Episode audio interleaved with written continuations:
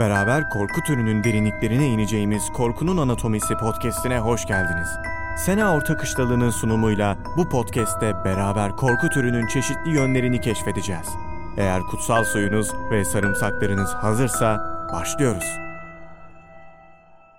Merhaba, uzun bir aradan sonra yine beraberiz. Umarım görüşmeyeli iyisinizdir.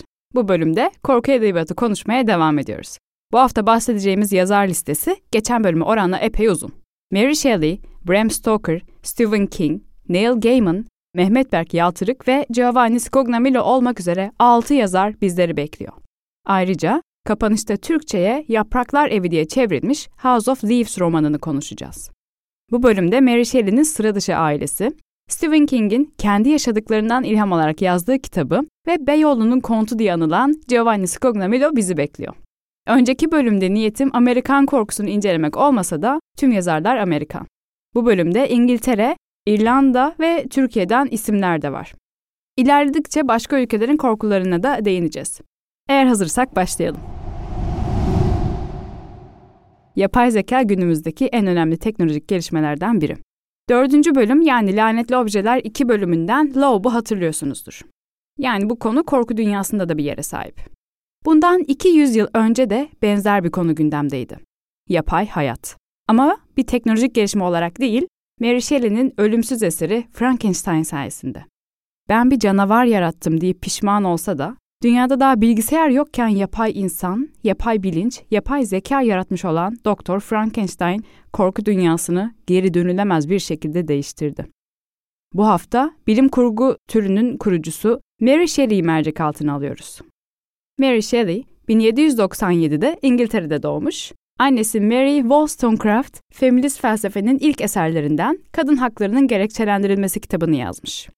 Bu eserde savunduğu noktalar arasında kadınların erkeklerden aşağı olmadığı, yalnızca kadınlara yetersiz eğitim verildiği için böyle göründüğü var. Onun kocası yani Mary'nin babası da anarşizm felsefesinin öncü isimlerinden William Godwin. Bu iki düşünürün çocuğu Mary Shelley, düşünce dünyasını besleyebileceği bir dünyaya doğmuş haliyle. Kendisi hakkında beni en şaşırtan bilgi ise kocası öldükten sonra onun kalbini saklamış olması.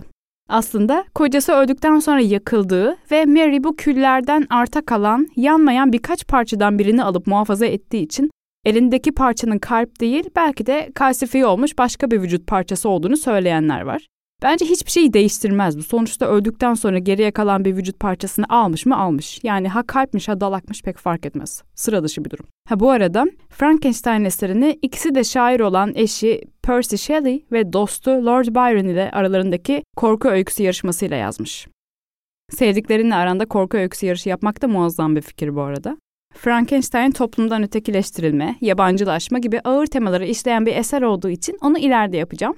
Canavarlar bölümünde daha derinden işleyeceğiz ki hakkını verebilelim. Şimdi yazarımıza geri dönelim. Bilim kurgu türünün temellerini atan bu eseri henüz 21 yaşında yazmış olan bu olağanüstü kadın, hayatının kalanında da yazarlığa devam etmiş. Avrupa'nın pek çok yerini gezme imkanı bulmuş olan Mary, İngiltere'ye döndükten sonra gezilerini kaleme almış ve 54 yaşında hayatını kaybetmiş. Öldükten sonra vücuduna elektrik verilerek yeniden canlandırma girişimi var mı bilinmiyor. Sıradaki isim, vampir edebiyatının en güçlü örneği kabul edilen Dracula'nın yazarı Bram Stoker. Evet, önceki bölümde onu vampir bölümünde saklıyorum demiştim ama konu korku yazarları olduğu için bu seride yer alması daha uygun geldi. E, Bram Stoker 1845'te Dublin'de doğmuş ve bir hastalıktan dolayı 7 yaşına kadar yürüyememiş. Ancak iyileşince İrlanda'nın en prestijli okullarından Trinity Koleji'nde başarılı bir atlet olmuş.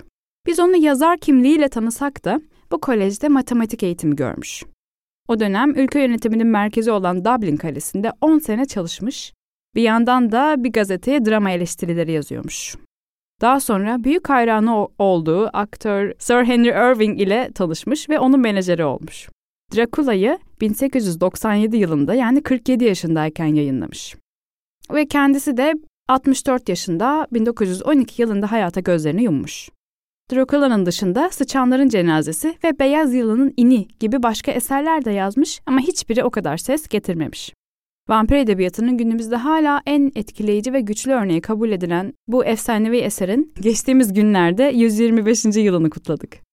Bram Stoker'ın ölümünden yıllar sonra Bram'in kardeşinin torunu olan Dacre Stoker onun notlarından ilham alarak Dracula the Undead ve Dracula isimli bir nevi devam kitapları çıkarmış. Onları da göz atmak isteyebilirsiniz. Şimdi biraz en sevdiğim yazarlardan e, Neil Gaiman hakkında konuşalım. 1960 yılında İngiltere'de doğmuş. Gaiman, okurun duygularına dokunmayı çok iyi başaran, bir karakterin adını yıllar sonra duysanız bile kalbinizi sızlatabilecek bir yazar.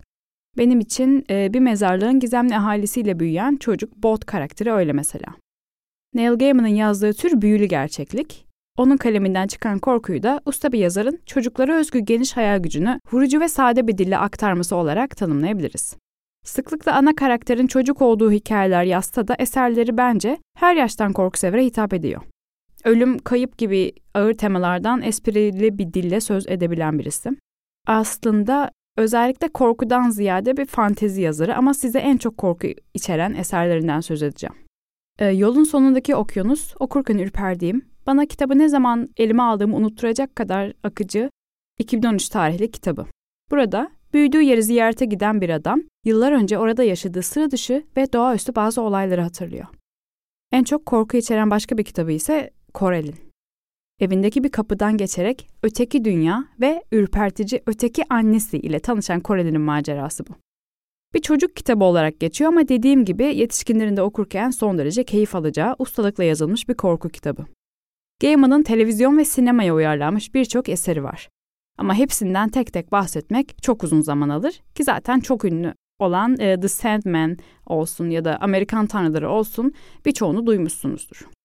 Öte yandan kendisi yazarlık üzerine dersler veren, yapımcılık ve oyunculukla da uğraşan son derece aktif biri. Bu enerjisi ve yaratma isteğinin hiç bitmemesini diliyorum. Son olarak e, Neil Gaiman ile daha önce internet üzerinden konuştuğumu bir, e, söylemek istiyorum. Lisedeyken mezarlık kitabını okuyup o kadar etkilenmiştim ki Twitter'dan ona bir mention atmıştım. Kitabı çok beğendiğimi söylemiştim. O da çok memnun oldum diye yanıt vermişti. Artık sıradaki isme geçelim. Aslında Türkiye'de korku türü üzerine tek başına bir bölüm yapmak istiyorum. Böyle filmlerden edebiyata, dizilere kadar konuşuruz. Türk kültüründeki korku öğelerini konuşuruz. Şahane olur bence. Sıra ona gelene kadar günümüz Türk korku edebiyatında en sevilen yazarlardan Mehmet Berk Yaltırık hakkında konuşalım.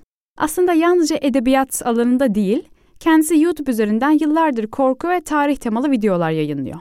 Gece uykum kaçtı biraz daha kaçsın derseniz kanalına mutlaka bakın.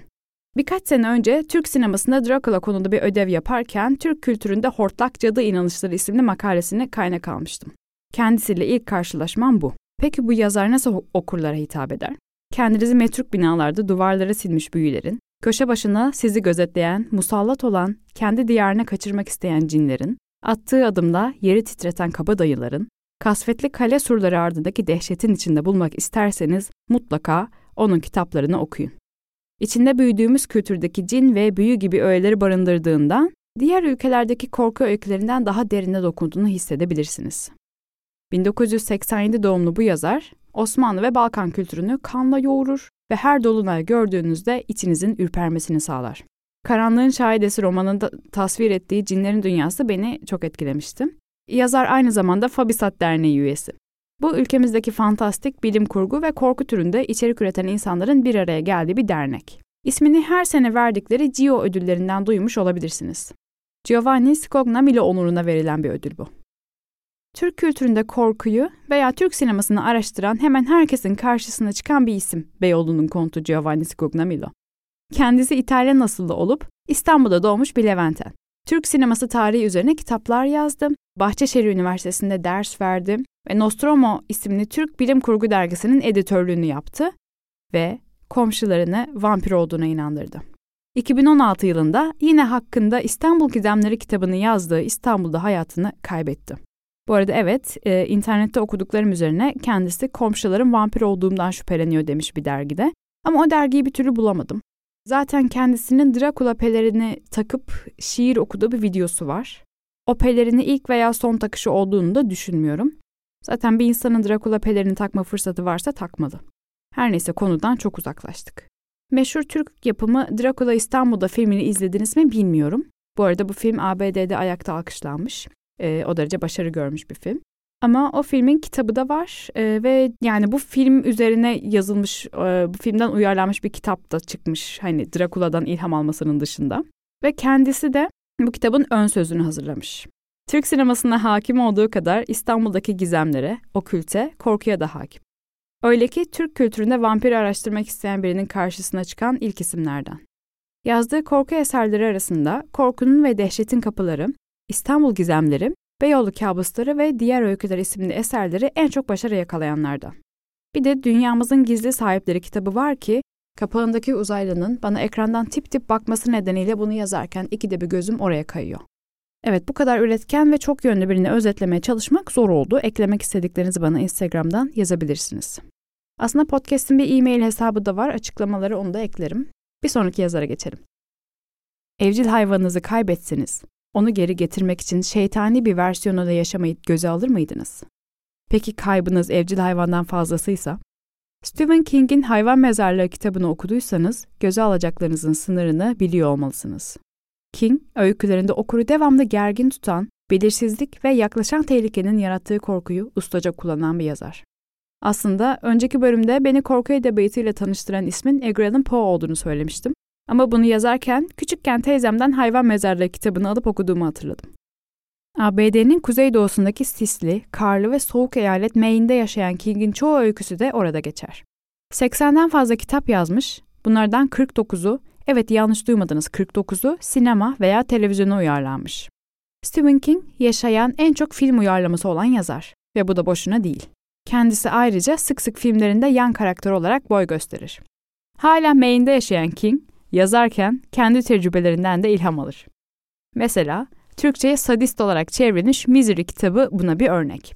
Tabii o kitaptaki gibi bir esir alma söz konusu değil. Ee, King, Ejderhanın Gözleri isimli epik fantezi türündeki kitabını çıkarınca hayranlarından gördüğü olumsuz tepki yüzünden korku türüne zincirle bağlanmış gibi hissetmiş.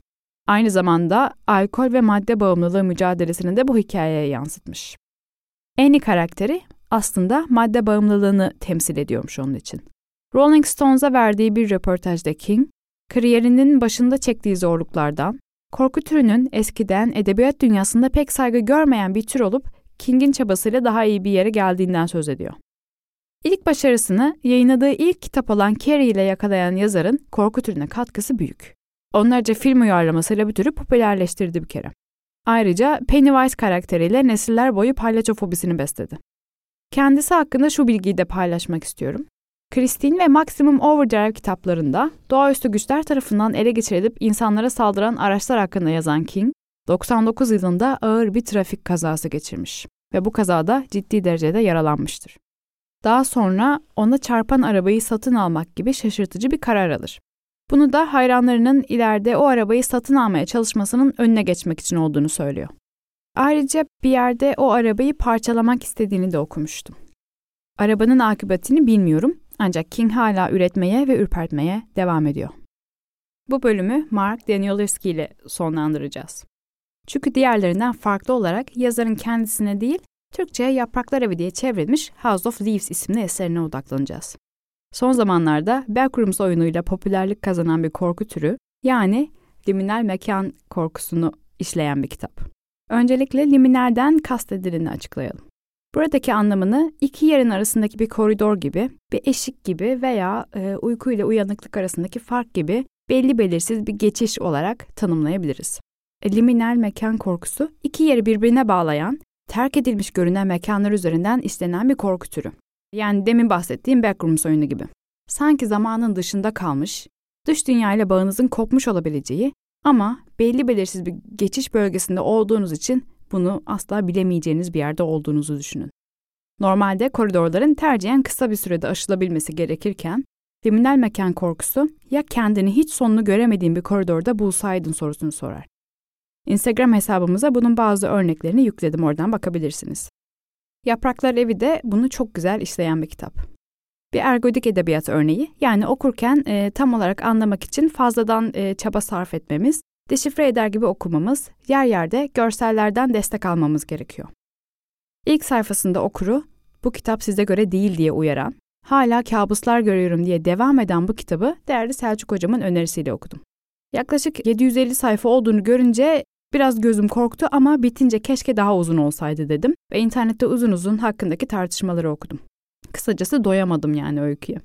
Şimdi hakkında fazla spoiler vermeden anlatacağım. Yine de ben hiç spoiler yemek istemiyorum derseniz 4,5 dakika kadar atlayabilirsiniz. Öncelikle kitap e, bir filmin incelemesinin incelemesinin anonim bir editör grubu tarafından bir araya getirilmiş hali. Ve bu incelenen film aslında yok. Beni bulamazsın gülüm. Ben aslında ya ben aslında yaşamıyorum. Şöyle ki bu üç katmanın merkezinde The Nevinson Record denen bir film yer alıyor. Ancak kitabın başında bu filmin aslında var olmadığı, e, yani artık var olmadığı ve ona ulaşmaya çalışırsanız eliniz boş döneceğiniz ve kitapta film hakkında yorum yaptığı yazan isimlere bu filmi sorarsanız varlığını reddedecekleri yazıyor. Zampano isimli yaşlı ve görme engelli bir adam bu film hakkında son derece derin bir araştırma yapmış. Araştırmalarını da daktiloda yazılmış metinlerden peçetelere, hatta kopmuş kağıt parçalarına kadar karma karışık ve kaos içinde yazıya dökmüş. Kitapta ana karaktere en yakın ikinci isim Johnny Truant isimli bir dövmeci. Yani dövmeci asistanı demek daha doğru olur. O da bir tesadüfler zinciri sonucu Zampano'nun yazdıklarına ulaşıyor ve bu kaosu düzene çekmeyi görev üstleniyor. Ancak düzenlerken kitap onu bir kara delik gibi içine çekiyor, gerçek hayatla bağını koparıyor. Peki bu yazıda bu kadar önemli ne var?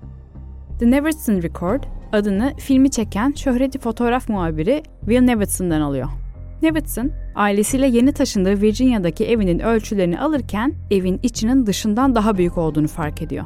İlk birkaç santimi geçmeyen bu fark zamanla artıyor. Sonra yatak odasındaki duvarda bir boşluk oluşuyor. Derken en çarpıcı olay gerçekleşiyor. Oturma odalarında karanlık bir koridora açılan bir kapı beliriyor. Bu kapı bahçeye bakan bir pencerenin yanında ortaya çıkıyor ve pencereden içeri doğru bakıldığında aslında bahçeye açılması hani gerektiğini görüyorsunuz. Arada başka bir çıkıntı hiçbir şey yok. Ama kapıyı açınca boğucu bir karanlıkla karşılaşıyoruz.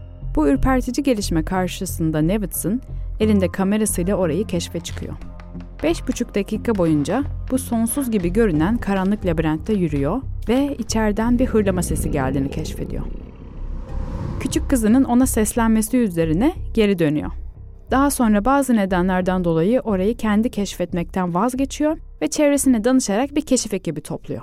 Onların da birer kamerası var ve bu yolculuğa dair daha fazla detay vermek ağır spoiler olur bence. Bu keşif keyfini sizden almak istemem. Gel gelelim kitabın diğer katmanlarına. Johnny karakteri filmin Zampano tarafından kaleme alınmış bu incelemesinin incelemesini yazarken kendi hayatına ve çocukluğuna dair detaylar veriyor. Yani bir nevi günlük tutar gibi yazıyor. Daha sonra bir takım yönergeler vererek bir yayın evine ulaşması üzerine yazdıklarını anonim bir editör grubu bir araya getiriyor ve elimizde House of Leaves Yapraklar Evi kitabı oluyor. Kitabın sonunda ise vurucu bir mektup dizisi var. Johnny'nin annesiyle mektuplaşmaları hikayeye farklı bir ışıktan bakmamızı sağlıyor. Koridorun açıldığı ve dünyamızın fizik kurallarına aykırı bu mekan ne kadar ürpertici ise bu mektupların hikayeye kattığı perspektif de o kadar vurucu. Sayfayı alışkın olduğumuz satır düzeninden farklı yollarda kullanarak metne yeni anlamlar yüklendiği yerler ve kelimelerin baş harflerini birleştirerek deşifre edebildiğimiz bazı kodlanmış cümleler var. Bu kitabı okuduysanız veya okursanız bana yazın hakkında konuşalım. Ayrıca kitabın yazarı Mark Danielewski, kitabın arkasındaki en büyük ilham kaynaklarından birinin Borges'in Labirentler isimli eseri olduğunu söylüyor. Labirent imgesini sıklıkla kullanan Borges, bu eserinde farklı labirentleri, onların içinde yaşayan varlıkları ve insanlara üzerindeki etkilerini kaleme almış. Ayrıca Instagram sayfamıza bu kitapla ilgili bir iki görsel ekleyeceğim. Bu bölümde size anlatmak istediklerim bu kadardı. Umarım dinlerken keyif almışsınızdır. Konuştuğumuz isimlerle ilgili söylemek istediklerinizi Instagram'da Korkunun Anatomisi isimli sayfamızdan bana iletebilirsiniz. Ayrıca orada korku dünyası ile ilgili ekstra paylaşımlar da yapıyorum. Örneğin geçen hafta Instagram hikayelerindeki anket özelliğini kullanarak bir korku filminde hayatta kalabilir miydiniz etkinliği yaptık. Yaparken şahsen çok eğlendim ve benzer etkinlikleri ara ara yapmayı planlıyorum. O yüzden sizi oraya da bekleriz. Aranızda vampir olanlar varsa bunu bir davet olarak kabul edebilir ve hiç sorun yaşamadan içeri girebilir. Korku edebiyatında daha söz edilecek çok başlık var ama biraz uzun vadeye yaymak istiyorum. Gelecek bölüm korku oyunları üzerine olacak. O zaman evinizde beliren tekinsiz koridorlara girmeyin, gayrimenkul satışı için sizi Transilvanya'daki şatosuna davet eden o adama güvenmeyin, farklı vücut parçalarını birleştirip elektrik vermeye kalkmayın ve kendinize çok iyi bakın. Gelecek bölümde görüşmek üzere.